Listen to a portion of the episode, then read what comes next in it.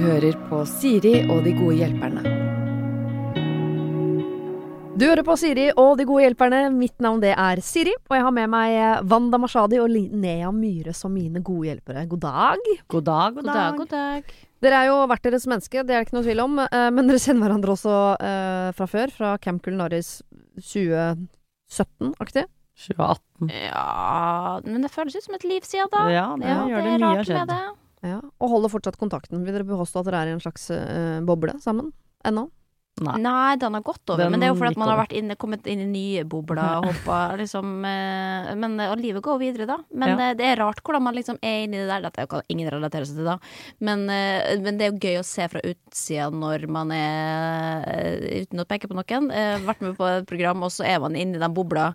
Og du tror at du aldri skal ut av det, og så går det et år, og så bare ah, faen. På tide å komme seg videre. Forskjellen er at vi, Siri, kommer oss jo aldri ut av den bobla. Vi kommer oss ikke ut Vi av vår. holder fortsatt Nei, okay. ok. Jeg observerer jo noen bobler. Eksempel, jeg er jo svoren 71 grader nord-fan. Både eh, den ordinære og kjendis. Og der også ser jeg at det er i ferd med å dukke opp noen vennskap som jeg eh, gleder meg til er over. Ja, man ser at det der funker ikke. Nei, det er veldig gøy. Det går ikke. Det er gøy å se folk bli glad i hverandre, som du tenker at Men det er dere egentlig ikke. Det må dere bare legge fra dere. Ok, nok om det. Linnea, du har startet en podkast som er fantastisk. Fortell.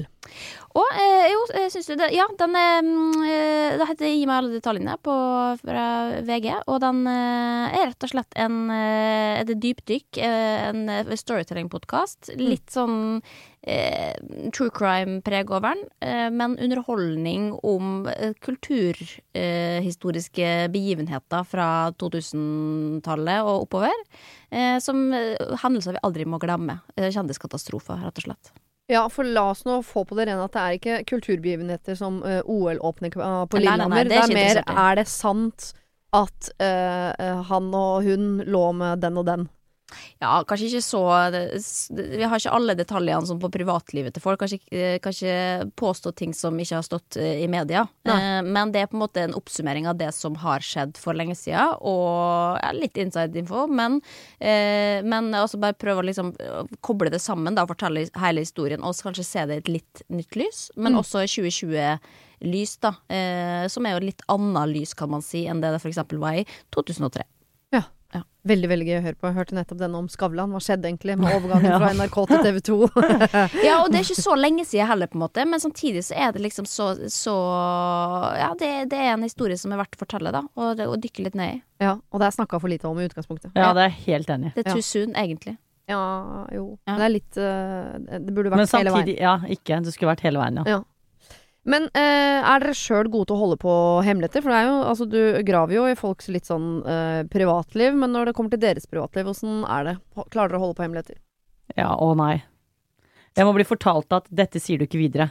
Ja, det er magisk for deg. Hvis noen sier det, da Ja, sier du det faktisk Fordi da for da slipper jeg å tenke på at dette er noe jeg ikke må si videre.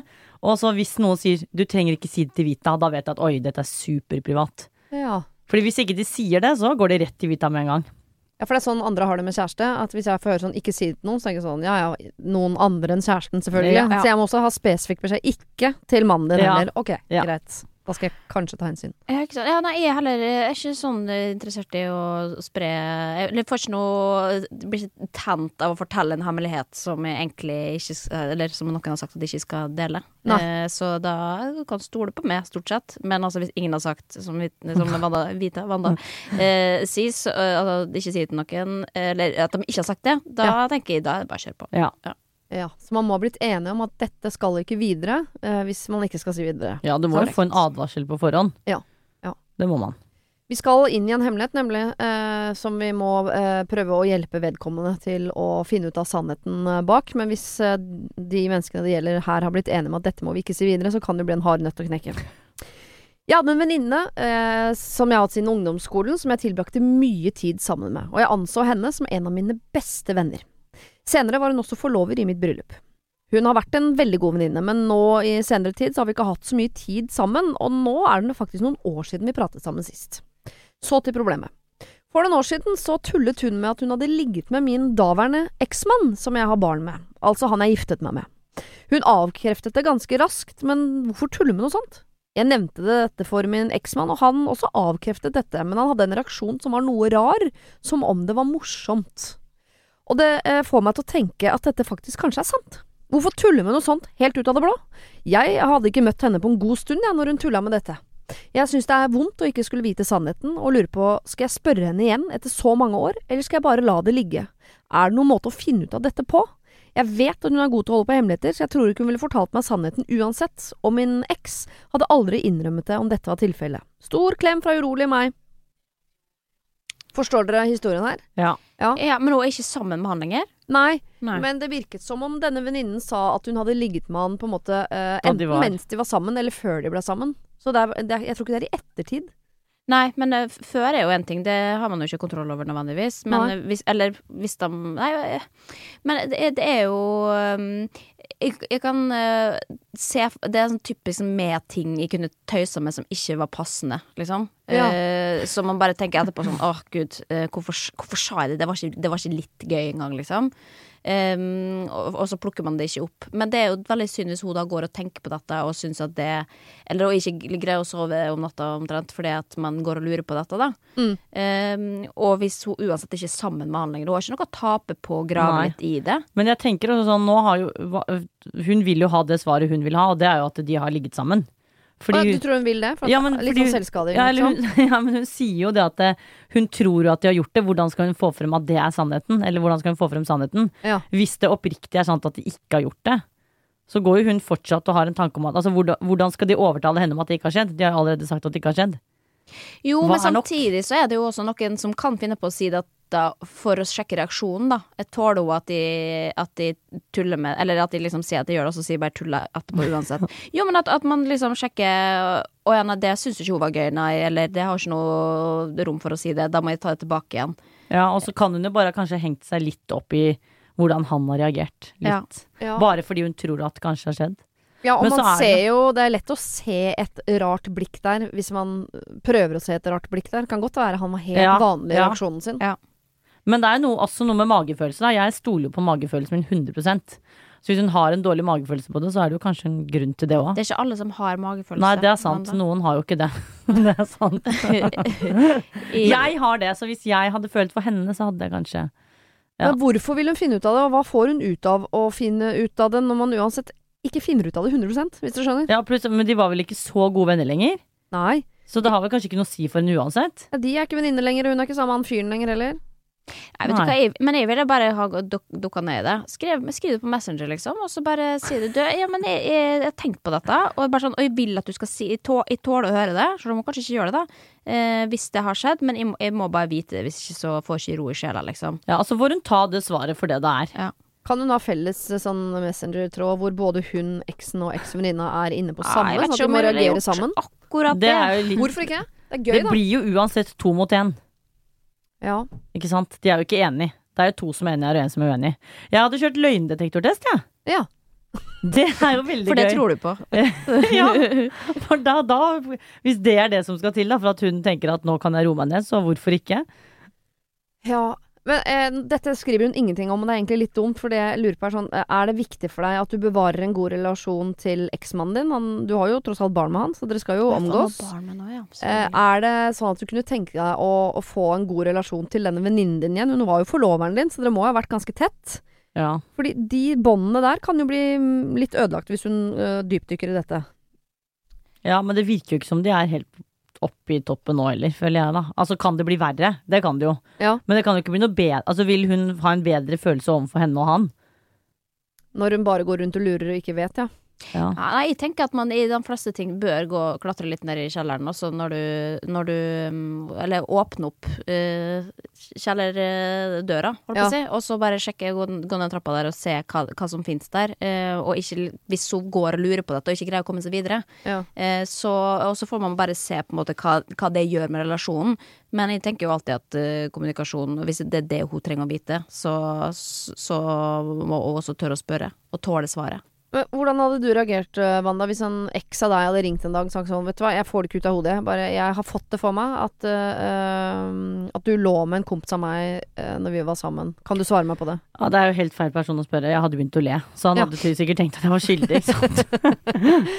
så jeg håper jo for guds skyld at jeg aldri får det spørsmålet.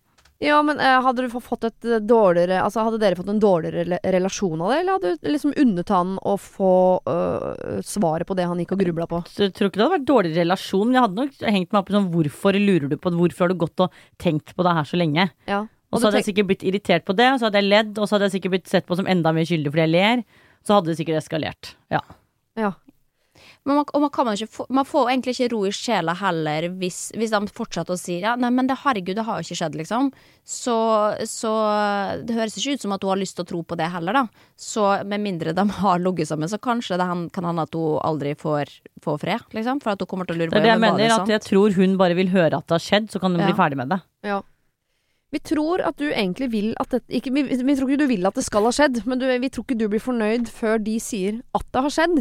Og den jakten der tror jeg nesten er helt umulig, for enten da får du den beskjeden, det er en kjip beskjed å få, eller så får du den beskjeden du har fått hele tiden, om at nei, det har ikke skjedd, og det kommer du ikke til å bli fornøyd med. Du kommer bare til å liksom rippe opp i et sår som du er i ferd med å kanskje begynne å få litt skorpe på. Så jeg lurer på Sorry, altså. Jeg tror du skal la dette ligge. Jeg tror det er det beste. Vi skal over til en som har sendt mail som skriver at hun er redd og kåt. Er dere klare? Veldig klar. Ja, bra.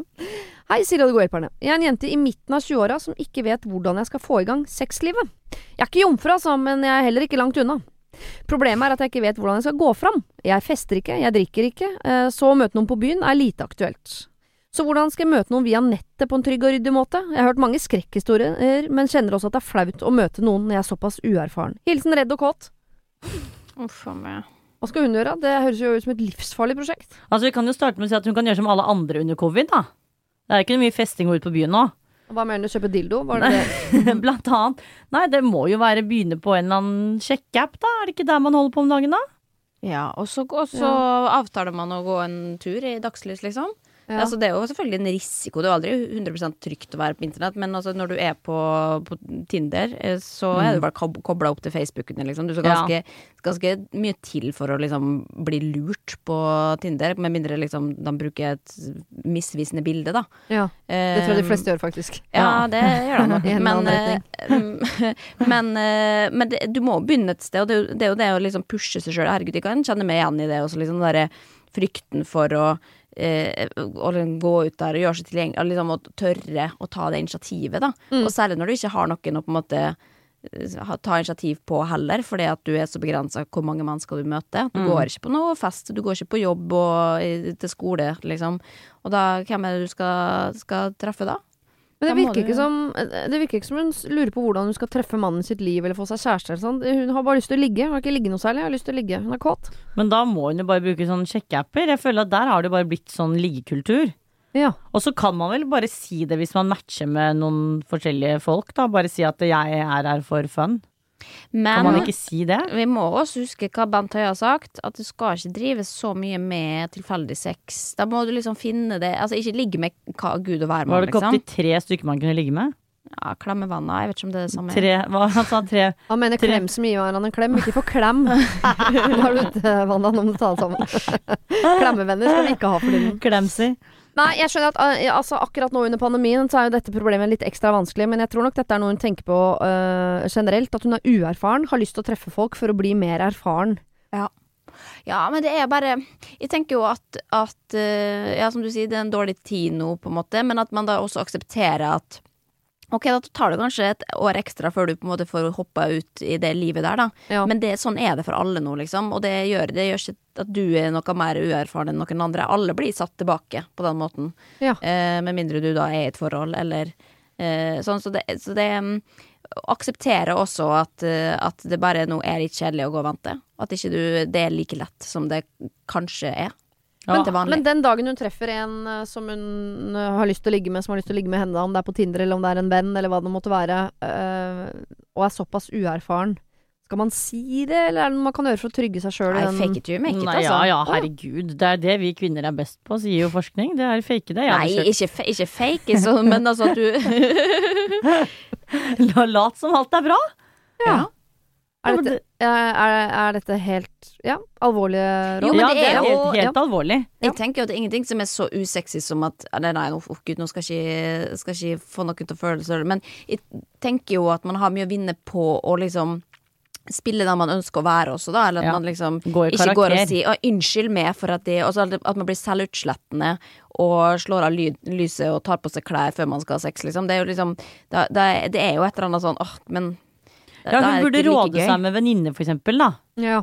Som kanskje har et aktivt sexliv, og høre hva er det de gjør som gjør at du Eller hvordan føler du deg trygg? Om det da for eksempel er det å ta av seg sokkene, eller ikke sant, ha lyset på, eller Bare spill litt på det. Han som hun eventuelt ligger med da, vet jo ikke hvordan hun egentlig er. I hvert fall første gang de ligger, da. Og så kan hun bare ta det derfra. Plutselig så bygger hun erfaringer på fake at hun er helt rå. Ja. Ja. Uff, Kanskje jeg er eh, gammel, kjedelig dame nå, men jeg bare jeg, jeg får så vondt av hun unge jenta her som, som er uerfaren, og som uh, ikke går på fest og ingenting. Bare, det høres ut som en jente som hadde hatt godt av å treffe én skikkelig hyggelig fyr som hun ble kjæreste med, og at de sammen fant ut av ting. Jeg, har ikke, jeg har ikke noe lyst til å sende hun her ut i ulvene, liksom. Sånn, Nei. skal, Nei. eh, fake eh, Men det er jo ikke- du erfaren jo- kåte-Frans, liksom. Men det er, det er det som er så vanskelig, da. Du, du, du kan jo på en måte ikke Du har ikke noe garanti for å treffe han første trygg Eller på første forsøk, liksom. Nei. Eh, men det kan jo også hende at det er han du går en tur med og plutselig ligger med, og så at det plutselig blusser opp noen følelser der, og han viser seg å være den mannen også. Ja. Og så kan det også være en, en litt dårligere erfaring, fordi det ikke var match. Altså, og du, der må man jo bare prøve seg fram. Så um, og, Men det må hun kjenne på sjøl hva hun er liksom villig til å teste. Men når du prøver da nummer ti, som er ikke din match, liksom, så blir man jo motløs, kanskje. Men Ja. da føler man jo Kanskje har man litt mer selvtillit, da, og da veit du i hvert fall hva du ikke vil ha, som er så, også en ganske god erfaring. Så Ja. ikke hoppe på det første og beste og tenke å ja, det er han her som sikkert de fortjener, da, fordi at han liker meg. Det er jo heller ikke the way to go alltid. Nei. Jeg har lyst til å anbefale han å enten liksom finne ut av ting sånn helt på egen hånd, bokstavelig talt, uh, i en periode nå. Uh, uh, gå sammen med en god venn, finne ut av ting. Nå trodde jeg du skulle si er... gå sammen med venner. Nei, ja, det blir jo neste steg i så fall, for de som er interessert i sånt. Og så, på sikt, når koronaen er over, gå ut og, og, og finne en hyggelig fyr, liksom, så du kan bli kjæreste. Nå er jeg 100 år, Ja, nå er du 79 år. Jo, men hun er redd og kåt. Jeg har ikke noe lyst til å Men hun vil jo bare sende ut. ligge. Ja, stikk og ligg, da. Ja, sett deg på en snopp og kjør på, tenker jeg. Ok, Der får du siste ord, eh, Wanda. det der skal jeg ha på en pyntepute en dag. Vi skal over i arveproblematikk. Det er jo litt lenger fram i tid, på mange måter. Å herregud, det er Orderud. Det kunne La oss ikke ha det som eh, anbefaling Inne inn her, for det, det kan hende du tenker at det er en god idé etter at jeg også har lest mailen. Ja. Jeg håper dere kan hjelpe meg med å tenke noen løsninger på dette problemet. Mine foreldre har solgt en del av tomta si til min eldste bror med familiepris. Verken min lillebror eller jeg har råd til å bygge hus, og vi blei heller ikke spurt om hva vi tenkte om saken. Hver gang jeg nevner temaet, kommer piggene ut, og jeg begynner å miste troen på å klare å unngå tidenes familiekonflikt. Moren min sa til og med at det ville være bedre for oss å arve mindre, så vi kanskje kunne tatt over huset deres en dag. Det er ingen av oss som har noe ønske om å ta over det huset, og det er selvfølgelig best for oss å bare arve mest mulig. Jeg har ikke et spesielt godt forhold til mine foreldre og vurderer å droppe å bli med på julefeiring i år. Så jeg har for så vidt ikke så mye å tape, men jeg hadde jo håpet å ha et godt forhold til mine brødre. Jeg vet ikke hva markedsverdien på en tomt er, men jeg vil anta rundt fire millioner mer enn det han har betalt. Og nå har jeg satt meg inn i regelverket rundt dette med gaver og arm, arv, og normen er at hvis man skriver en avtale med arvetakerne om at mellomlegget mellom kjøpsum og markedsverdi blir avkortet når arven skal fordeles. Eh, Men dette er valgfritt, og foreldre kan også velge å bare gi gaver til ett av barna, uten å rette opp for resten. Jeg tenkte egentlig å vente til huset var ferdig med å ta opp dette temaet, men så fant jeg ut at eh, på grunn av et nytt lovverk må denne avtalen signeres før nyttår for å ha noen effekt. Jeg sendte dermed denne meldingen til min far. Hei! Jeg er veldig usikker på hvorfor salget av tomt til storebror har vært så hemmeligholdt, og hadde forventet at jeg og lillebror ville blitt inkludert med en arveavtale. Jeg har lest om regler rundt dette, og normen er at når man skriver en avtale, og så forklarer hun den arveavtalen Kanskje dette var planen deres, eh, men det har vært vanskelig å ta opp dette temaet uten at det blir konflikt. Jeg unner selvfølgelig storebror å bygge hus, men her er det snakk om flere millioner i skjevfordeling, og dette bør jevnes ut på sikt. Er det mulig å få klarhet i dette? Jeg har ikke fått svar på meldingen, så hva gjør jeg nå? Info. Jeg er ikke konfliktsky. Lillebror er veldig konfliktsky. Storebror er betydelig bedre stilt økonomisk enn lillebror og meg. Foreldrene våre er ca. 60-70, vi er 25-35.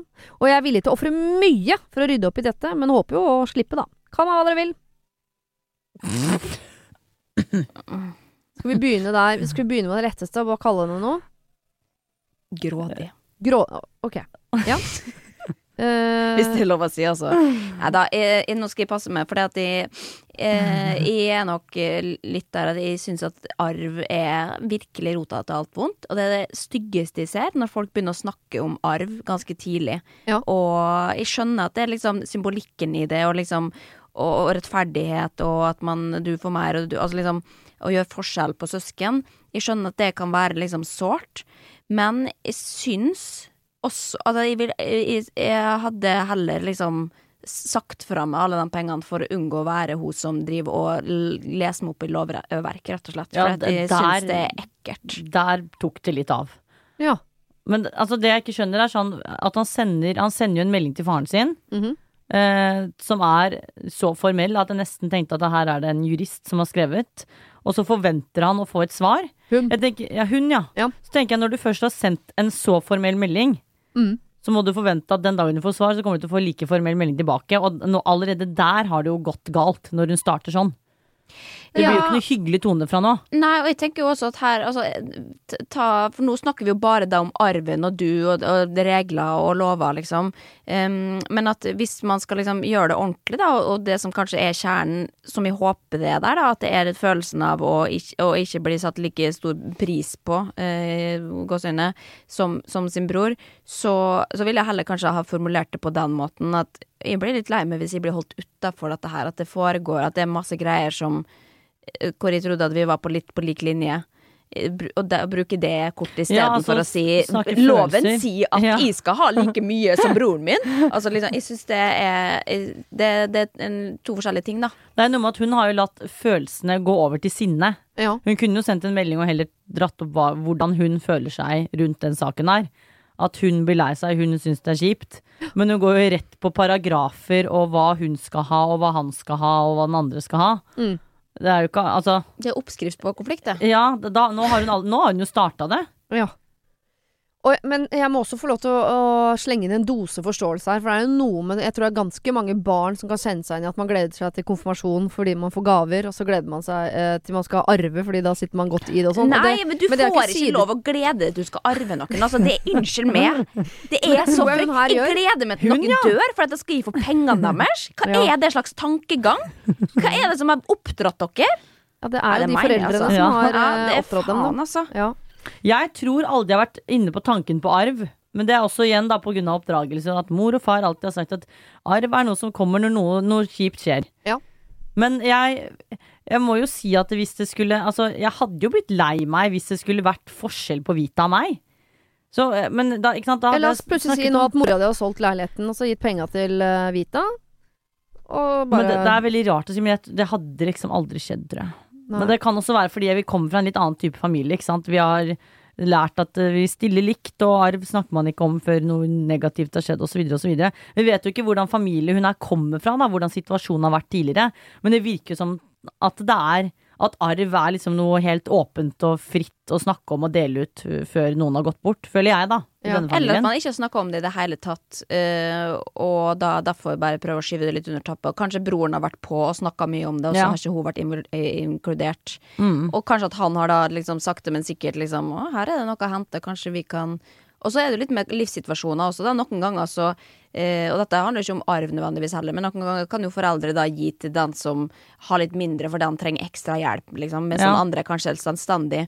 Eh, og selv om da Her er det jo den i søskenflokken som eh, stiller sterkest Ja, økonomisk utgangspunkt, som har fått som tomta. får tomta. Ja, ok, det var mye tall Det er mye rart i, den, det er, i familien her i utgangspunktet, altså. Ja. Jo, men jeg, jeg tror det som er rart, at altså, som forelder så ville jeg også Jeg blitt litt lei meg hvis jeg fikk melding av dattera mi en gang som handla om den dagen jeg skulle dø, Ja. som jo er eh, arve sånn 'Mamma, når du dør, hvem får mest penger da?' Ja. da tenker jeg sånn 'Å, herregud'. Det ville jeg også synes var vanskelig å svare på. Selv om det er ikke det hun skriver, men det er det jeg hadde lest. Men samtidig så tror jeg også jeg som forelder, hvis jeg en gang hadde liksom gitt noe av betydelig sum til den ene, så tror jeg ville i hvert fall, om ikke annet, forklart til den andre hvorfor jeg gjorde dette, og om jeg hadde en plan på sikt for hvordan dette skulle bli rettferdig.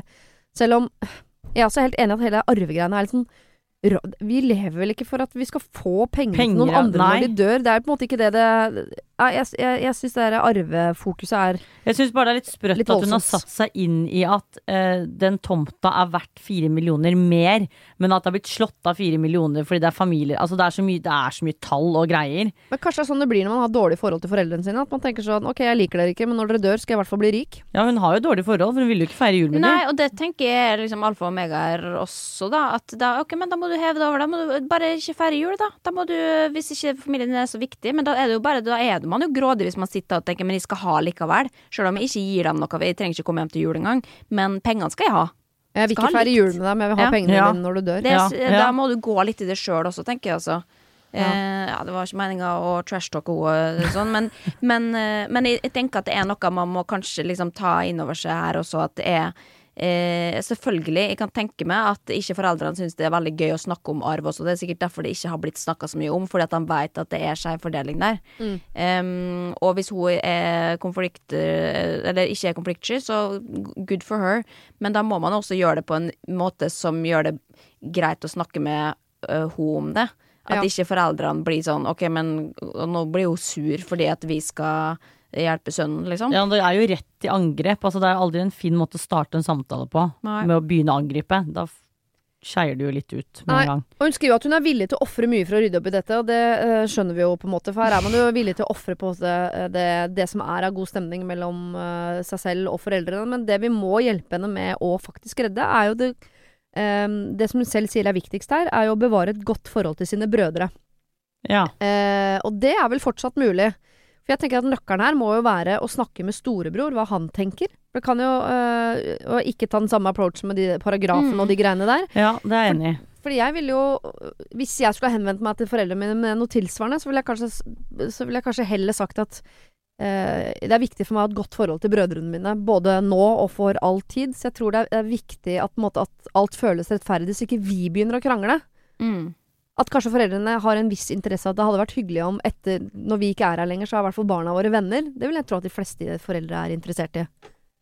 Ja, og at um, Men også at man kan si det Jeg snakker med bror sin og sier også det at jeg blir lei meg når jeg opplever at, at mamma og pappa ikke det, bare ekskluderer meg, liksom. Og hvorfor tror du de gjør det? Altså, at, prøver, at hun prøver å approache og, og skape kontakt med broren, da. Ja. Eh, og Hva er kanskje- avtalen her, Ja. egentlig? Ja, men Ja. er det ikke hva er avtalen, men altså, hva, er, hva er dine tanker om det som skjer her nå, på en måte? Hva, Ja. Og hvorfor, hvorfor uh, hører ikke i noe? Og ikke Ja. nødvendigvis hvorfor får ikke i penger, men eh, jeg, føler meg, jeg føler meg kanskje litt utelatt fra familien, og det gjør vondt. Og jeg lurer på hva det betyr for vår relasjon, Ja. eh, og hva da denne tomta skal bety symbolsk for vår framtid. Eh, at det må, må dykke litt ned, da. Eh, og det er også mye mer sympatisk enn å komme og si eh, Jeg har lest på internett at jeg faktisk eh, har rett på noe her. Nei. Ja. Og jeg tror man skal investere og bruke den jula her på å prøve å ha det hyggelig, selvfølgelig med foreldrene sine, men i hvert fall med disse brødrene som det virker som du er mer opptatt av, og se om man kan få en god dialog rundt nettopp eh, at det gjør vondt, det med at han har fått lov til å, å, å flytte inn på den tomta. Hva var avtalen der? Eh, hva med oss? Hvordan skal vi forsikre oss om at vi får en god relasjon resten av livet? Altså, de, de pratene der må man jo kunne ta. ja, man burde snakke om følelser med familie, Ja. og ikke gå rett i angrep, tenker jeg da. Men bør hun gå på, bare siste, bør hun gå her i den dialogen med sine brødre, eller skal hun fortsatt prøve å ha den også med foreldrene? Ja, hun må jo ta den med foreldrene. Og en ganske brutal Og, måte. og, og hun har allerede sendt en mailen, kan man si. Men, ikke eh, Hun burde, beklage, hun burde jo beklage seg, starte med å beklage seg. Det var litt brutalt. Det var ikke litt brutalt engang, det var sykt brutalt. Ja. Det er familie, det er ikke din verste fiende. Nei. Si unnskyld nå, og så se om man kan få en, Ja, en, en bare si- hyggeligere prat om det Ja, i jula. si forklare hva man egentlig ja, Hva som ligger bak den mailen. Hva, sorry, nå var jeg på Lovla og Hjemla her, men, eh, men det var bare det var det jeg hang meg opp i fordi uh, jeg følte det jeg på et svik, liksom. Ja. Og det er vondt, og hva, hva Men altså også gå til broren, og det kan man gjøre parallelt, tenker jeg. Ja. Det Ja. føles skeivt. Det føles urettferdig. Og jeg føler meg utelatt. Altså De følelsene der må man nok kunne ta Ja. inn i det, og droppe paragrafer og økonomi og den biten der. Ja. Lykke til. God jul. Eh, vi skal over til utroskap. Eh, eller det vet man ikke helt. Eh, men det er en som bare lurer på om kanskje typen her er utro. Kjære Siri og det gode hjelperne. Jeg møtte typen min for ca. et år siden. Han kommer egentlig fra Vestlandet, men vi møttes i Oslo. Han er høy, kjekk, og jeg er så forelska. Men jeg har på følelsen at det er noe som ikke stemmer. Han vil alltid at vi skal være hos han. Vi er aldri hos meg. Han virker ikke særlig interessert i å møte mine venner, og jeg har kun møtt én av kompisene hans. Han er veldig hemmelighetsfull og legger alltid mobilen slik at skjermen vender ned, og tar alltid med seg mobilen på do. Jeg har spurt han litt om dette, og han mener at jeg bare er mistenksom uten grunn. Han snakker også stygt om eksen, og skal av en eller annen grunn alltid snakke om henne rett etter at vi har hatt sex. Ofte kan jeg reise til han sånn halv elleve på kvelden, og så vil han allikevel ikke at jeg skal overnatte. Er disse tingene normalt? Jeg har også lagt merke til at han har en skyhøy score på Snapchat, og jeg ser han ofte får mange snapper fra damer. Han har vært åpen om at han har beholdt vennskap med mange av de han har møtt på Tinder, og jeg har ingenting imot at han har jentevenner, men jeg stusser litt på at mange av hans jentevenner er tidligere Tinder-dates. Han vil heller ikke at vi skal være i et forhold på Facebook, noe som ikke er så farlig for meg, altså, men han vil heller ikke at jeg skal kommentere på bildene hans. Jeg er dødsforelska i fyren og vil at dette skal fungere, men jeg har på følelsen at ikke alt er som det skal. Hva tenker dere? Dere kan kalle oss Jay og Becky. Er det grunn til mistanke her? Altså, I begynnelsen, så når du liksom sa det med å legge skjermen ned og på do og sånn, så tenkte jeg sånn herregud, nå er det å overreagere. konspirerende, ja. Men altså, jo mer du forteller her, jo mer er grunn er Ja. til. Særlig med den Snapchat-greia og ikke overnatte og ikke kommentere på bildene. Ja, og, ti, ja, og tin, Tinder-matcher som er venninner. Hvordan Ja. Du er ikke på Tinder for å få deg venner. Han har ikke blitt kjent med de gjennom Tinder for å bygge et vennskapelig forhold til de. Ja, nei, jeg er redd for at det er litt naivt å si at beholde. At det, det, at det er greit, at han har jentevenner. For at jeg tror ikke at det er jentevenner. Nei. Det høres ikke sånn ut. Det kan jo være at altså, Man vet jo ikke så veldig mye, da, men jeg tenker sånn, det er ikke nødvendigvis det at han sitter og har fys er fysisk utro. Det kan nok være altså, Det er jo det å være emosjonelt utro også, er jo også et begrep, tenker jeg. Hvor han bare kan føle at det å chatte med andre jenter og få den bekreftelsen, da. Ja. Det kan bare være at det er det han holder på med, at han ikke tør den sikkert noe lenger. Men eh, jeg ser jo på det som utroskap i seg selv.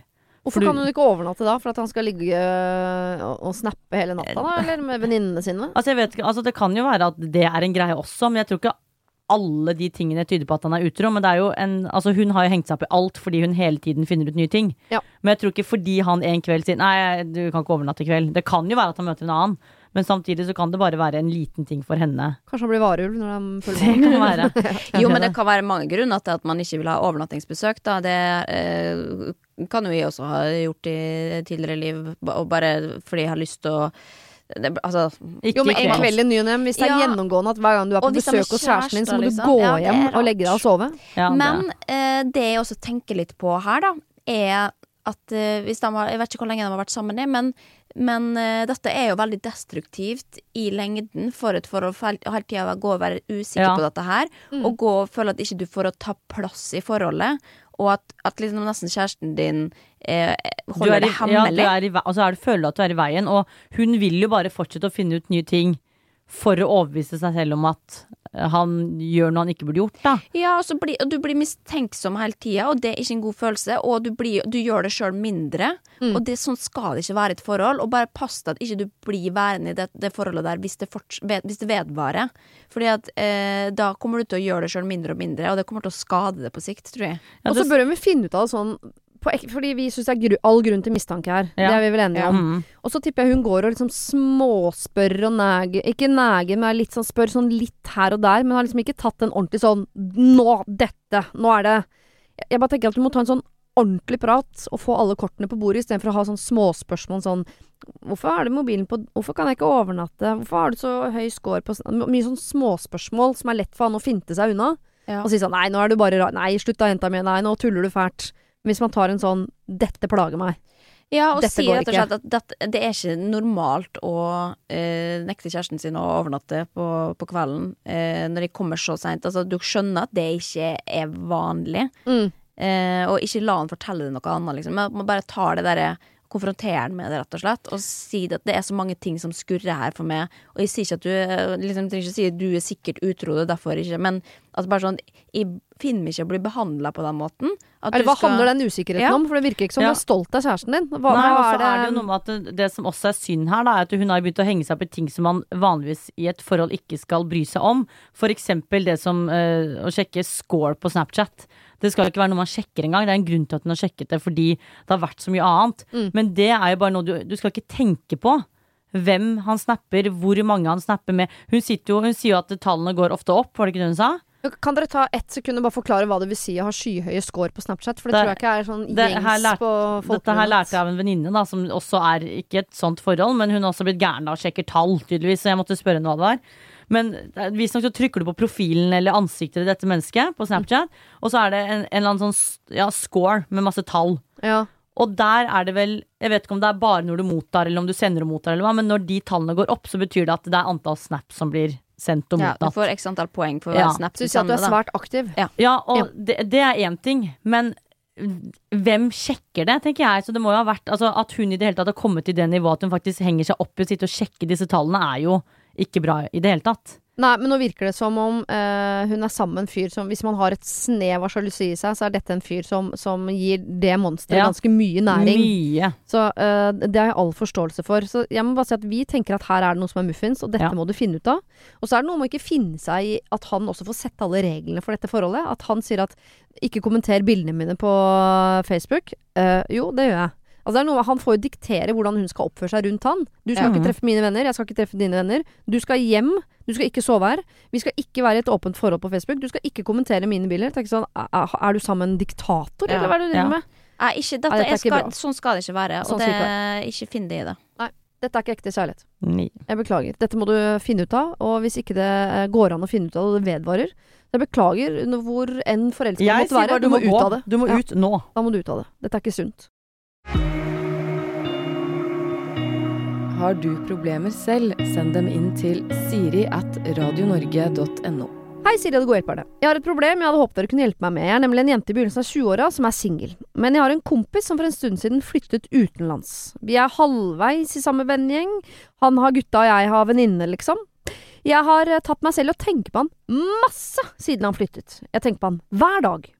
Han kommer snart hjem til jul, og vi skal feire nyttår sammen. Og etter det så reiser han av selvfølgelig tilbake til der han bor, men jeg skal også flytte til samme sted snart, for å studere og jobbe, altså, ikke for å stalke han. Men hva skal jeg gjøre? Vi facetimer iblant, og da snakker vi timevis i strekk. Jeg lurer på om jeg er interessert, eller om det bare er koronaen som snakker.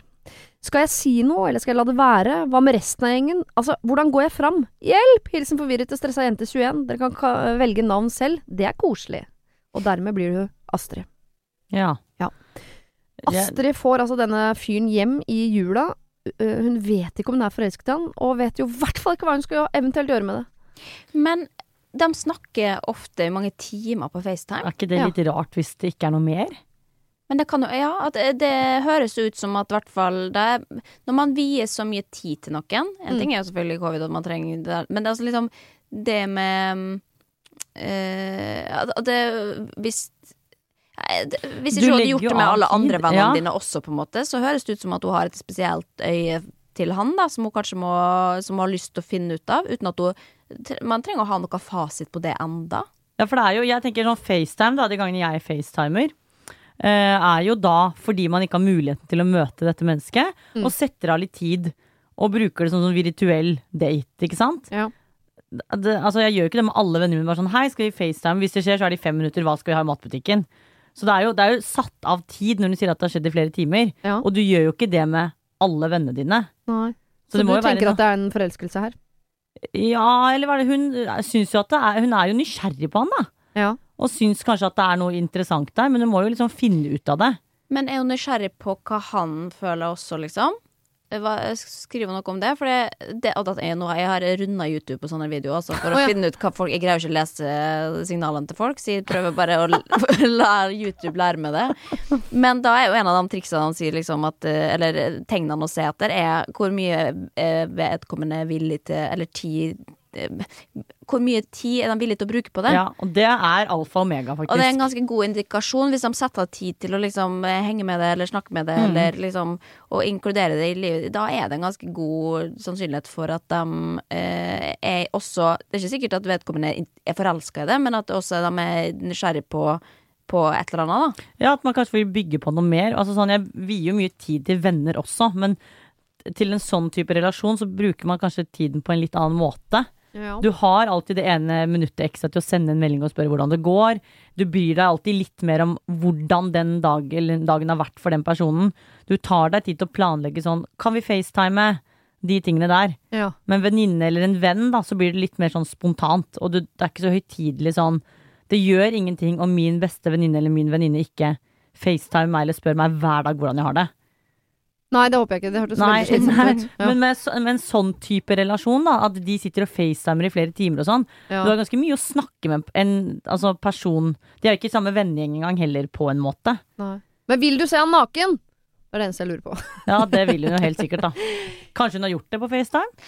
Jo, men det er jo uansett noe å se fram til, da, hvis han skal komme Altså at da, kan, da når du får det fysisk For det er jo vanskelig å bygge en relasjon på Eller herregud, det er vanskelig, folk har gjort det før. Eh, men altså på, på via FaceTime på den måten. Det er Ja. jo ikke det samme. Men det kan jo også bli plutselig da litt awkward når man da plutselig kommer i det rommet og ingen helt har snakka om hva er dette her, egentlig. Ja, hva, hva er vi, eller hva, gjør vi? Men da må man bare få seg et lite glass med, med noe gla, bobla Ja. i glasset, da. Og Litt så, klinings, og så ser man Ja. hvor det bærer. Eller se hva man føler etter to glass vin, på en måte. Ja, for Hun spør jo hva hun skal gjøre, og jeg tenker at her, her ville jeg gjort så lite som mulig. fordi enten så er dette starten på et vennskap, for det kan det jo være at de har funnet en tone som, øh, som sier at de er bare veldig gode venner. Eh, ja. Eh, men så er det noe med også at noen ganger så trenger man å få venner på avstand for å skjønne at man faktisk har andre følelser enn vennefølelser for de. For det er ikke alle venner man ville savnet så mye som det virker som hun liksom savner å ha kontakt med denne Ja. gutten. Men eh, jeg ville bare liksom sette han Ikke nødvendigvis liksom tenkt at hun hadde dårlig tid i jula engang, for hun skal jo snart flytte dit. Så det er noe med at dette her har hun jo egentlig tid til at skal gå i et øh, øh, ganske sakte tempo. Så hun trenger jo ikke å stresse det, hun trenger ikke å finne ut av noe nå før han kommer hjem. Trenger ikke å be ham på det. De kommer jo til å møtes. Ja, det gjør de jo. ja, og da, jeg tenker at det går, kommer til å gå seg helt til, men selvfølgelig, det er jo eh, Hvis det, det går lang tid, og det liksom ikke skjer noe Da er det jo en som må ta initiativ og liksom prøve Altså, du har ingenting å tape på å prøve Jo, kanskje man har det, hvis man skal liksom ha noe med hverandre å gjøre i framtida, da. Hvis du liksom plutselig da har klina eller ligget sammen, så er det jo på en måte Eh, da, blir det jo en annen relasjon, En relasjon, etter ja. det. Liksom. Da kan man Men- ikke gå tilbake igjen til å være Nei, vi er bare kompiser. Det tar i hvert fall litt, eh, litt det, Eller Ja, det er vanskelig. Det er vanskelig, men jeg tenker også at det er lettere. Jeg er veldig sånn som spør rett ut, da. Ja. Bare fordi jeg orker ikke gå rundt og tenke sånn hva kunne det vært, eller hva tenker han, eller hva. Da spør jeg bare sånn, eller så sier jeg sånn du, jeg tror jeg er litt mer interessert i dette her enn et vennskap, eller jeg er nysgjerrig på deg. Ja. Hvor står du? Men er du ikke jævlig redd for avslag, da? Nei, for jeg tenker sånn, jeg vil heller få avslag, i stedet for å gå i dager, ukevis og tenke sånn Åh, hva tenker han? Åh, men Å, hva nei, det vil jeg heller i. Da- Ja, det takler ikke jeg, for da blir jeg sånn overtenker, ikke sant? Og begynner å tenke ting og bare Å, men hvorfor kjøpte han cola til meg og ikke Pepsi Max? Ikke sant? Jeg, det der kan ikke jeg begynne med. Nei. Da spør jeg heller. Sier han ja, så begynner vi derfra. Sier han nei, så har jeg fått svaret mitt. Slipper jeg å tenke. Men tenker du at Astrid skal stille sånne type spørsmål nå allerede Nei, på FaceTime? det tenker jeg ikke. Nei, okay, nei. Nei, fordi at, at hvis han hadde stilt to de samme spørsmålene, så er det ikke sikkert at hun heller hadde hatt, uh, hatt et svar på det. Så det er liksom å ikke stille spørsmåla for tidlig heller, men at man heller prøver å liksom legge litt tid og forske på det, da. Og det føles det jo som de, eller høres det ut Ja. som at de gjør, ved at de bruker så mye tid på FaceTime. Jeg Ja, tenker spørsmålene kan heller komme litt etter at han har dratt hjem i julen. Ja. Eller sånn når han har reist tilbake der han er nå, da. For Ikke da har de jo, stress med det. Nei, for da har de vært sammen i julen, så kan du heller, hvis hun da føler noe mer, så kan hun jo si at jeg har hatt en fin jul med deg, jeg føler at jeg kanskje er, er interessert eller er nysgjerrig på deg, hva tenker du? Så ikke stress. Uh, ha en god følelse på dette, fordi han investerer jo like mye tid i deg som du gjør i han, så det, det er helt tydelig at dere liker hverandre og er nysgjerrige på hverandre. Se an stemninga i jula, hva som skjer, og eventuelt etter jula, hvis du liksom er enda nærmere en slags sånn noe som kan minne om forelskelse, så kan man vel begynne å stille noen spørsmål eventuelt. Men uh, bruk god tid, og se om det dukker opp noe og øyeblikk i jula som du kan uh, utnytte til klinings, for eksempel. Yes. Hei dere, jeg trenger sårt deres hjelp. Jeg står midt i et valg om å flytte hjem fra studiebyen og starte å jobbe fulltid, eller fortsette å bo i studiebyen og jobbe og studere. Jeg har slitt med angst og depresjon dette året, noe som har vært tøft. Jeg har liten eller ingen motivasjon til å studere, noe jeg egentlig føler er et tullestudium. Og jobben her, den er grei, men eh, uforutsigbar med tanke på hvor mye jeg kan få jobbe. Derfor har jeg lenge tenkt på alternativet å flytte hjem og jobbe isteden. Det føles umulig å velge mellom, fordi det er fordeler og ulemper med begge. Flytter jeg hjem, må jeg bo hos pappa ut skoleåret, noe som kan drive meg til vanvidd. Jeg har heller ikke noe særlig nettverk igjen der, noe som er sårt. I tillegg vil terskelen bli mye høyere for å flytte til neste år og studere videre, noe jeg egentlig har tenkt på. Men jeg får i hvert fall en stabil jobb å gå til, som kan hjelpe på depresjonen, og det er en god erfaring i det jeg har studert. Blir jeg her i studiebyen min, har jeg et relativt godt nettverk og noen å være sammen med hver dag hvis jeg vil. Mulig jeg kan være heldig og få en bedre jobb her, men jeg kan også slite og jobbe korte vikariater, sånn som nå. Jeg har en kjæreste som er ganske fleksibel og vil oppholde seg mest der jeg ender opp, men jeg er redd for at han skal se hvor lite nettverk jeg har hjemme hvis jeg flytter hjem. Hjelp! Jeg hater å ta valg! Håper dere har noen innspill. Hilsen Erik, midten av 20-åra. Ja. Det er jo typisk sånn tanke man har midt i 20-årene, det er det ikke det? Er det ikke som har det hele livet, at man vil at noen andre skal ta valg? Fordi Ja, man man vil ikke ta Ja, valget selv. Eller at, man, at en voksen skal komme inn og si eh, Nå tar vi en pause her. Nå, Ja. blir vi, du, nå passer vi på det, liksom. Eh, jeg kan jo bare si for min egen del. Jeg flytta jo hjem eh, etter å ha bodd i Oslo i tre år ish, fordi at jeg ble ganske sjuk. Ja. Eh, og da var det bare sånn eh, på ube, ubestemt tid, liksom. Um, og fortsatte å jobbe litt i Oslo og litt i Molde. Altså liksom at, at det var At jeg prøvde å finne ut av ting, da, og det var egentlig ganske fint og nyttig, sjøl om jeg fortsatt var sjuk og dårlig. Men det er jo klart at det er jo veldig lett å da falle tilbake til å tenke at åh, da kan du nå bare være her. Men det var egentlig det motsatte som skjedde. At jeg tenkte bare åh, jeg, jeg har så behov for å komme tilbake igjen til Oslo og Ja. begynne på nytt. Mm. Eh, også som hvis han sier da pappa vil komme til å drive med til vanvidd, på en måte, så, så har, har jo det en, en må jo det også ha en sluttdato. Det er ikke noe Ja. fare for at vedkommende kommer til å bare bli værende fordi det er så digg å ligge på sofaen hjemme hos pappa, liksom. Mm. Eh, og hvis ikke du har noe nattverk eh, heller der, så høres det jo bare ut som at det er liksom en litt sånn pauseting. Men det, er jo slitsomt da, skulle flytte fra en, en by til, til en annen, og så tilbake igjen etterpå. Det er jo liksom mange prosesser du skal gjennom, da, som er litt tøft psykisk også, tenker jeg. Ja, og så tenker jeg sånn Den eneste delen jeg ikke skjønte helt var Hun sier at eh, Eller han sier at kjæresten er fleksi Mm. Og kan være med der. Men skal han, skal han ta med seg kjæresten sin til faren? Hvorfor kan ikke de, Nei, det høres vanskelig kan, hvorfor kan ikke de to flytte sammen? Så slipper, slipper han i hvert fall den delen med å bo hos faren sin, da, hvis det er Ja. Jeg skjønner bare ikke den delen der. Nei, den, akkurat den er litt vanskelig. Også, men så tror jeg også det der, å bo hos faren uh, kan drive meg til vanvidd. Det høres ut sånn som man sier om foreldre som man egentlig har ganske god tone med. ja. Hvis de hadde hatt et veldig komplisert forhold, så tror jeg på en måte alternativet hadde hadde vært verre. Jeg tror dette er bare sånn åh, mamma, pappa og mamma driver meg til vanvidd. Ja. At det er litt Ja. mer sånn at pappa og mamma selvfølgelig er irritert. Det er jo vår oppgave er å drive barna våre til vanvidd på en eller annen måte. Så uh, jeg, jeg tror Ja. det egentlig går Jeg tror det går greit Jeg å tror han har det fint hos faren. Ja, det tror jeg. Men at det blir sånn der foreldremas en Ja, gang sånn husk å slukke lyset Ja. før du legger deg sånn Åh, pappa, du driver meg til Ja. vanvidd. Vi er der, tror Men jeg. Men hvis det er en mulighet, da kunne det ikke vært liksom å bare ta seg en litt ekstra lang juleferie? At man da sier For at det er jo liksom Det er jo eh, covid, og, og det er jo tøft for alle nå, og det er Man veit ikke hva som skal skje, og hvilke jobber som finnes, og eh, litt sånn, ikke midtlivskrise, men at det er liksom en liten 20-års eh, midten av, av det, eh, krise, eh, som er ganske sånn Man bør nesten forvente ja, forvente i den, den kom, den kommer. Ja, men at hvis man liksom hadde reist hjem eh, til jul og så sagt liksom Kan jeg være her i et par måneder ekstra? Mm. Bare for å hente meg litt inn, for å finne Mm. ut hva jeg har lyst til. For da tar man ikke noen endelige avgjørelser. Da kan man fortsette å betale leie på leilighet i Ja. studiebyen.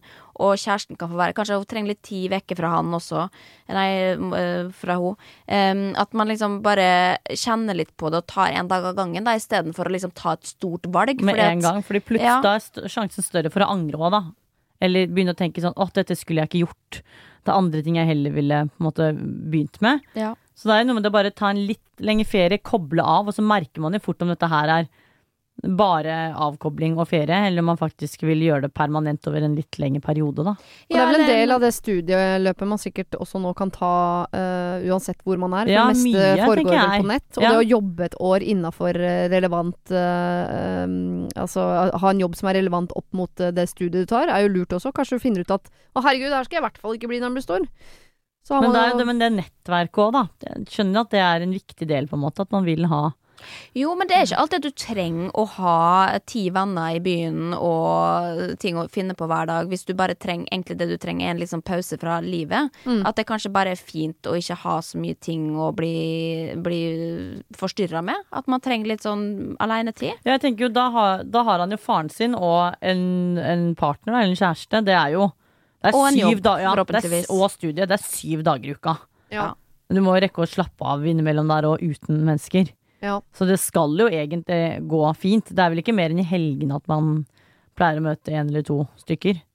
Nei, så vet jeg ikke. Det kommer jo ikke litt an på hva slags type depresjon man er inne i, men noen ganger kan det jo være lurt å ikke ha så ekstremt mye sånn vennimpulser. At det på en måte kan forstyrre litt. At man bare blir oppjaga. Mens andre ganger så er det jo nettopp det, hvis man blir helt isolert på Ja. toppen av depresjonen, så kan det hende at det tipper i feil retning.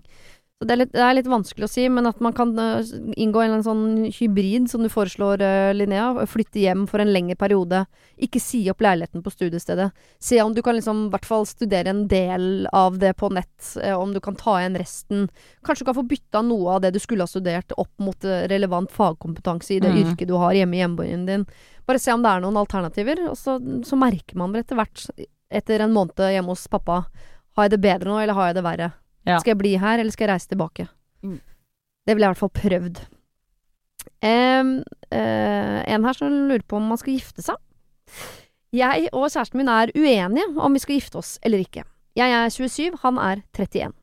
Vi har vært sammen i to og et halvt år, men jeg visste umiddelbart at han var mannen i mitt liv, og allerede seks måneder inn eh, så ville jeg, eh, eh, ville jeg være med denne mannen livet ut. Ingen tvil. Han ville gifte seg, og det ville ikke jeg. Mine foreldre er skilt, og min far er skilt to ganger. Både mor og far er nå lykkelige, eh, og mer lykkelige enn de noen gang har vært med sine partnere, som de ikke er gift med. Men de er 100% forpliktet til disse menneskene likevel. Dette virker for meg som den ultimate oppskriften. Hans foreldre er enda godt gift, og sikkert happy med det. Litt usikker her. Virker som en nøytral ordning sett utenfra. Vi er begge født og oppvokst i bibelbeltet. Jeg var aldri noe særlig i miljøet, men han er mye mer enn meg. Oss er kristne i dag, men jeg kan ikke hjelpe for å føle at han vil gifte seg bare fordi det er det man gjør. Jeg føler at det er forpliktelsen som er viktig, ikke tomme løfter gitt foran en prest og eller en forsamling. Jeg føler også at ekteskapet er en falsk trygghet, og at mange slutter å gjøre en innsats i forholdet sitt etter at de er gift, for nå har jeg jo deg. Jeg er villig til å jobbe på forholdet vårt hver dag, og alltid stille opp for han og for oss. Det er han jeg vil ha, og det er et liv sammen med han jeg ønsker meg. Dette har jeg sagt til han. Hvorfor er ikke det nok? Han har aldri klart å gi meg noen gode forklaringer eller argumenter på hvorfor han gifter seg, og jeg skjønner ikke greia. Vi er veldig lykkelige og enda forelska, og litt ekle. Jeg er redd at det skal forandre seg hvis vi gifter oss. Vi vil gjerne høre hva dere tenker. Kall oss eh, Martin og Martine. Gifte seg eller ikke gifte seg? Det kan vel du svare på? Fordi jeg har vært begge Fordi, deler. fordi, ja, Ja. en nygift og fortsatt like forelsket. Uh, ja, jeg, jeg tror liksom at ikke at et giftermål kan tippe kjærlighet og et forhold i noen som helst retning. Selv om det er akkurat i den derre uh, gifte seg-perioden så er man litt sånn ekstra forelska fordi man har et sånn felles prosjekt. Men jeg er helt sikker på at det fellesprosjektet kunne vært uh, Hva som helst, bygge bygge en hytte, hytte, liksom. ja. ja. Men kan jeg spørre deg, Siri, for at du var jo sammen med han i mange år før uh, dere gifta dere. Syns Ja. du det var liksom eh, litt sånn antiklimatisk fordi at det tok så lang tid? For at du gjerne skulle gifta deg før? Nei, jeg må innrømme det først blei som det blei, at jeg syns det var veldig deilig at vi har spart på den karamellen. Ja. Sånn, eh, for det er veldig mange som i løpet av de første fire årene sammen, så har de flytta sammen, fått to Ja. barn, gifta seg. Og så er det sånn? Å, herfra Ja. ut, da. Skal vi se Hva skal vi drive med nå? Skal, ja. Ja. Nei, det er jo et godt poeng, da. For jeg, jeg, det er jo veldig vanskelig med sånn giftermål, for man har så forskjellige tilnærminger til det. Ja. Da, og erfaringer, og sett hva foreldrene dine har gjort. Og jeg, jeg har jo alltid hatt kjempelyst til å gifte meg, og jeg er gjerne i en kirke og kristen, sjøl om jeg ikke tror et sekund på noe over, over jord, utenomjordisk. Um, men eh, at de syns at det liksom er en fin tradisjon og noe som jeg har liksom sett for meg siden jeg var barn. Mm. Em, men eh, Og hadde tenkt sånn Men hvis, og hvis jeg blir skilt, ja ja, da har man gjort det. det. det. det da er det jo på en måte en kjærlighetserklæring likevel, som var hyggelig, og vi trodde på det, og så gikk det ikke. Mm. Eh, og at det er ikke noe man trenger å ta med seg og skammes over. Kanskje på gang nummer åtte åtte, så kan man jo liksom begynne å diskutere eh, Skal man gifte seg hver gang man forelsker seg, på en måte? Ja. Men, eh, men eh, jeg liksom er av den oppfatninga, og da er det jo veldig vanskelig å treffe noen som bare er helt totalt motsatt. Ja. Eh, og som tenker at det er overflødig og, da, Men da har du da har du ikke forstått Da har du ikke forstått den følelsen som den som, fra, fra min side, da, hva, hva, hva jeg syns er fint med det. Mm. Eh, for da er det fordi det er bare sånn Jo, men det, det er bare Altså Og det, det, det Å bli enig om det er jo en evig dragkamp, da. Ja, for hva er kompromisset når den ene vil og den andre ikke vil? Fins jo ikke noe midt mellom, liksom. Og Nei. her syns jeg det er litt synd, fordi den ene har gode erfaringer med at folk er gift, og den andre har litt dårlige erfaringer med at noen er gift. Ja, og så virker det ikke som eh, han For hun har vel spurt han, sa hun vel, men hun har, ikke- for han svarer jo ikke ordentlig på hvorfor han vil. Så eh, jeg føler at hun Hun har jo hengt seg opp i at hun har svar på hvorfor hun ikke vil, Mm. Uh, men han har jo ikke kommet med et konkret svar på hvorfor han vil. Så jeg tror det er derfor hun også låser seg, at hun tenker at men det er ikke en god nok grunn. Fordi han ikke har en tydelig nok grunn til at dette er grunnen til at jeg har lyst til å gifte meg med deg. Nei, og det er litt urettferdig, for det er ikke Ja, alltid man har, har en en sånn grunn. Det er noen ganger bare Jeg bare vet at jeg har lyst på barn. Jeg, kan, Ja. jeg har ikke noen gode argumenter for hvorfor akkurat jeg skal ha akkurat barn, men det, jeg, det kjenner jeg at jeg har lyst til å ha i livet mitt. Jo, men da, og dette er jo da en samtale man må ta, selv om man ikke har svaret på det på første gangen, men at man liksom prøver å dykke litt dypt i det, da, man, og finne ut hvorfor det faktisk er viktig, og hva, Mm. hva et, et, et, giftermål rent praktisk betyr. Ikke bare liksom ja, da har vi skrevet under på papir, og da er det vanskeligere og at det blir slutt, liksom. Men at det jo er noe uh, arv der, da. Uh, og en, en følelse som er også viktig å, å, å ta på alvor. Jeg Ja. tror hun på en måte tenker at dette er en enorm forpliktelse som allikevel egentlig ikke betyr noen ting. Bare se på mamma og pappa, de har jo inngått denne enorme forpliktelsen flere ganger. Det betyr jo ingenting, for det er jo bare å gå fra hverandre. Hva er vitsen? Jeg Men det er noe med det derre å være to stykker som, som team forteller verden at vi har valgt hverandre, og det kan man gjøre uansett, men det er bare jeg, jeg kan ikke annet enn å, å anbefale at det er en veldig uh, koselig dag og en koselig følelse å ha med seg, men man kan jo fylle den med hva man vil. Ikke sant? Så kompromisset må jo ligge i at man kan gifte seg på en annen måte. Man må jo ikke ha det typiske bryllupet. Nei, Ja. men man kan jo også det jeg tenker er For å teste det ut litt, hvis det går, da, er jo Man kan jo være forlovet en stund. Ja. Fordi hun sier at hun er redd for at den der nyforelskelse, klissklassperioden går over fordi man tenker at nå har man hverandre uansett. ja. Men man kan jo Man trenger jo ikke gifte seg år etter at man har vært forlovet. Det føler jeg liksom har blitt en greie at ja, når, nå er du forlovet, ja, når gifter dere dere? Men man kan jo faktisk være forlovet i ti år, Ja. og så bestemme seg at nå gifter vi oss. Så hun kan jo, ikke sant, hun kan jo gå med på det at dette er det vi gjør. Så ser vi hvordan ting er, og så kan man eventuelt ta en avgjørelse på det da. Og hvis man ikke vil gifte seg, så har man i hvert fall vært forlovet hele livet, da. ja. Ja, men jeg jeg, kjenner, jeg hadde ikke greid å gått med på sånn kompromiss om at eh, ja, ok, vi kan gifte oss, men da må vi gjøre det på tinghus. Altså nei, det, altså, det, hadde- det hadde ikke Da ville jeg heller ikke ha gifta meg, på en måte. ja. Eh, så det, men det, da er det jo Da ville jo jeg også måtte gått inn i en prosess hvor man liksom snakka om hvor viktig er det egentlig Altså liksom at man må gi og ta litt, da. Ja, det er enig i. Eh, og da, men da er det jo ingen som har rett her, og det må man jo huske at dette her er noe man må, da må finne ut av sammen. Og jeg tror at det går an å møtes på halvveien der, hvis man bare bruker nok tid på det. Ja. Og finne ut hvor viktig det er, og hvor viktig er det for forholdet vårt at vi blir enige om hva vi skal gjøre, eller at det bare skal liksom bli et evig spørsmål hvor ingen blir fornøyde. For det, det kan jo også være destruktivt i lengden. Ja. Jeg vil bare si det at selv om uh, du har uh, sånn tydelige argumenter for å ikke gifte seg, og han ikke har så tydelige argumenter for å gifte seg, så betyr det ikke at det ene er mer riktig enn det andre. Eh, Dere trenger ikke å gifte dere nå på noe som helst uh, måte, og jeg tror også at uh, et giftermål kan verken gi eller ta kjærlighet. Så det er ikke sånn at idet du gifter deg, så blir man mer eller mindre forelska. Den prosessen går nå som den går uansett. Så på et eller annet tidspunkt så kan nok hende dere befinner dere på et sted dere ikke ønsker å være, uansett om dere er gift eller ikke. Så jeg tror ikke det er den ringen på fingeren som nødvendigvis er fienden der. Men det er ikke nødvendigvis noe hjelp heller. Så det er ikke sånn at den dagen det går dårlig, så skal dere gifte dere, og da går det bra. Så her Det må være noe man har lyst til. Så gi det litt tid. Kanskje du får lyst. Kanskje han mister lysta. Sånn er det bare. Til slutt skal vi innom en, eh, en dum, dum mann.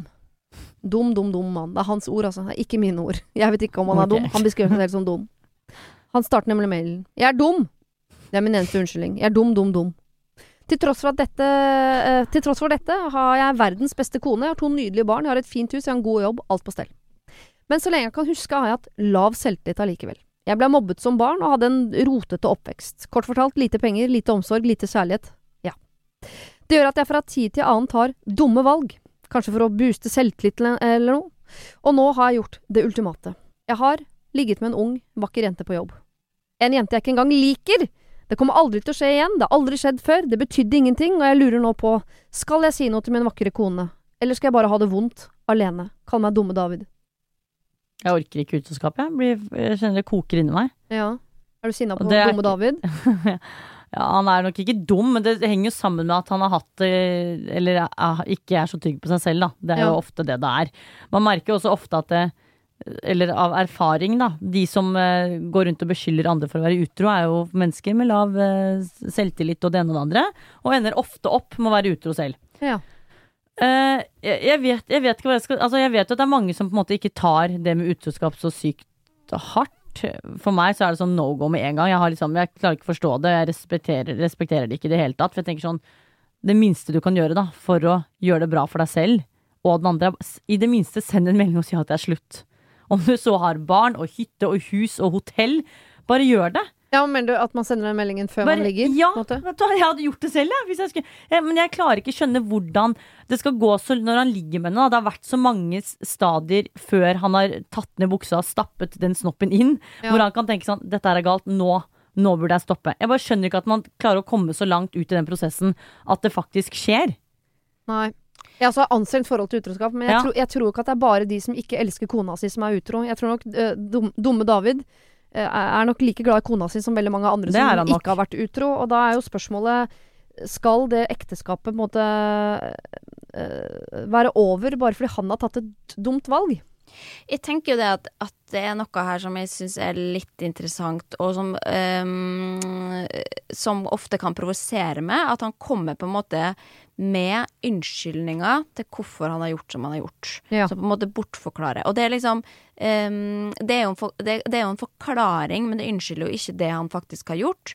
Og dette ser man Det er liksom gjennomgående for mange voksne mennesker som på en måte uh, klandrer oppveksten sin og uh, Ja, det var sånn og sånn skjedde, og derfor er jeg dum.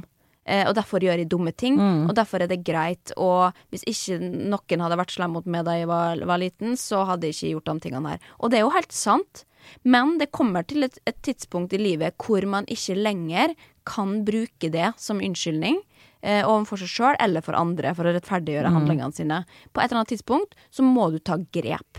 Ja. Og det er da jeg tenker at da, når du, han er en voksen mann, han har egentlig livet på stell, men da har du også et ansvar for å gå og rydde opp i den dårlige selvfølelsen din, som gjør at du tar sånne valg. Fordi du sier jo det sjøl, du har ikke lyst til å ta de valgene, men da må du gjøre et aktivt valg for å unngå at det skjer igjen.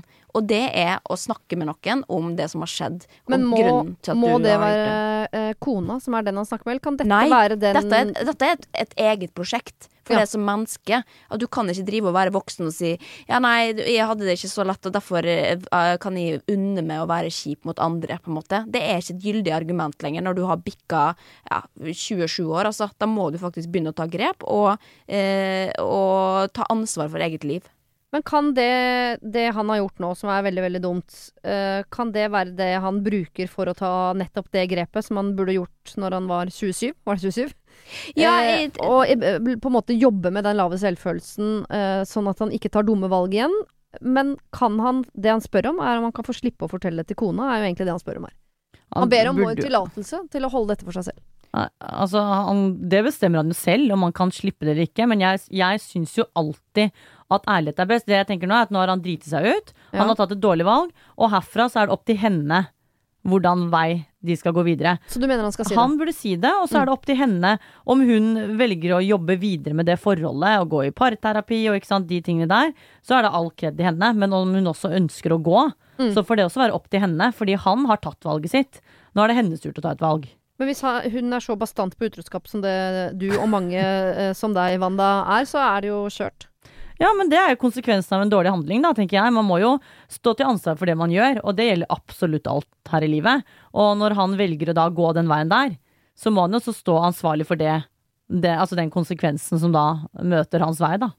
Men da ødelegger han jo på en måte hennes liv litt òg, og barna. Alt ja, og det er dette. Man må liksom ta litt øh, være, Trå litt forsiktig, da. Jeg tror liksom ikke det er det første jeg hadde gjort. Jeg ville ha følt litt sett, følt, sett litt an, liksom. Men å på en måte absolutt gjort en forandring, tatt et grep og liksom begynt en egen prosess for at, å sørge for at det aldri skjer igjen.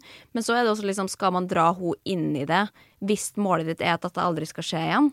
Eh, og at jeg har lyst til å, å ta, ta, ordentlig, ordentlig, ordentlig grep. Eh, fordi det er ikke alltid at man skal fortelle om utroskap, har jeg hørt eh, psykologer si. Eh, at, eh, at, det kan bare gjøre egentlig vondt verre. Da. At det skaper en stor konflikt og et sår som, eh, som er egentlig ofte unødvendig. Sjøl om jeg egentlig personlig sjøl hadde hatt lyst til å vite hvis noen mm. var Eller jeg veit ikke. Det, det, det, er liksom må, Den avgjørelsen må du ta sjøl, men må, det er jo uansett du som må leve med den belastninga det er å ha vært utro, liksom. For det Ja, jeg tenker sånn, han som allerede har så dårlig selvtillit, da. Trenger han Eller han trengte jo åpenbart det, da, men enda en ting å tenke på. At han skal gå rundt og tenke på dette også. Altså, han gjør seg jo til et enda større offer enn det han kanskje burde være, da. Ja. Med å gå rundt og tenke på at nå har jeg gjort en annen person noe vondt. Ja, han må, han, altså, han, Hvis han ikke sier det til kona, så må han jo i hvert fall si det til noen andre. For dette ja, her må han jo rydde opp i. Ja. For han må jo, som han sier, han skal aldri gjøre dette igjen. Nei, men det hjelper ikke at du sier det. Det må du på en måte få Det må du, det må du få hjelp til. Ja. Til å aldri gjøre igjen. Jeg tror bare sånn eh, jeg håper ikke min mann, eh, lokføreren, hører på, for da kommer han til å bruke dette som en uh, deilig mulighet til å gå ut og, og, og, ligge med folk. Men jeg tror hvis, gått, hvis, min mann hadde gått på en smell, og det var en engangs, ikke noe forelskelse, uh, ikke et forhold og det aldri hadde skjedd igjen, det vet man jo ikke, men la oss si at det aldri hadde skjedd igjen, så, så tror jeg jeg skulle ønske at jeg ikke visste det. Fordi hadde han sagt det til meg, så hadde det ødelagt vårt forhold. Men hadde jeg ikke visst det, så hadde det jo ikke det. Nei, det hadde ikke ødelagt noe i det heller, på en måte. Eh, og det er det som er også faren ved å fortelle det. Men, men det er jo det mest ryddige, moralsk sett. Men eh, det, det, har også så mange fatale konsekvenser for det andre mennesket, da. Som noen ganger man må bare veie opp mot uh, hverandre. Men, jeg, jeg tror det er vanskelig å komme, finne tilbake til særligheten ja. og tosomheten eh, etter utroskapet. Tror jeg ja. Jeg sier ikke at ikke det går, men det er en utrolig vanskelig jobb. Og det er ikke noe unnskyldning for at man sånn Å, vanskelig jobb, det gidder jeg ikke. Jeg holder heller for meg sjøl. Ja. Men det er en mm. vanskelig jobb, til deg også, også å holde for seg sjøl. Jo, men jobben her er jo at han tar grep om sitt uh, eget liv for å bli en bedre ektemann som, som hun fortjener. For hun fortjener i hvert fall ikke bare bli bedratt. Eh, og, det, og, der er det han må ta grep. Og hvis liksom, jeg tenker at hvis det var min venn som hadde spurt meg om dette, så hadde jeg sagt sånn Det du skylder nå, er å begynne å ta, ta ansvar for eget liv og egen dårlig selvfølelse. Eh, og da kan du også slippe å fortelle det til henne, for da på en måte gjør du da gjør du en, en god gjerning eh, mot deg sjøl og familien din. Ja. Og det er det som er på en måte målet her, ikke at hun skal bli lei seg og at dere skal gjøre det slutt. Hans nedbetaling på denne karmagjelda må jo være at han skal være verdens beste mann, verdens beste pappa, verdens beste fyr. I all tid framover. Ja. Det kan jo være hans måte å betale tilbake med. Og så er det en ting, det, Vi rekker ikke å snakke om det nå, for tid er for så vidt ute. Men det er jo en kollega, da. Det tror jeg også jeg ville vært redd, ja, for å være helt ærlig. Han bør si opp jobben sin, spør du meg, for han kan jo ikke omgås henne. Men det er en for stor og lang debatt til at vi kan ta den uh, nå. Men jeg tenker at dere to skal ikke spise lunsj sammen. For da hadde jeg fått vondt om fire ja. år, når jeg plutselig fant ut av det likevel. At du hadde ligget med hun dama, hun søte jenta på kontoret. Som du har vært på julebord med, vært på Kiel-tur med, og det hele tatt eh, Bonustur til Gran Canaria i 2022.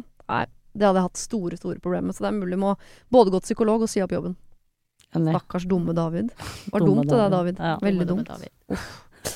Eh, Linnea og Wanda, det har vært veldig veldig hyggelig å ha dere som uh, mine gode hjelpere. Veldig hyggelig, som vanlig. Takk for meg, oss. Og så ønsker jeg dere en fin uh, Hva heter det tida før uh, jula? Advent. Adventstid. Ja, ja, det ønsker jeg dere. Den beste tida i året. Ha det. Ha det. Det var det. Husk å sende ditt problem til siri at radionorge.no om du vil ha hjelp. Denne podkasten er produsert av Rubicon for Bauer.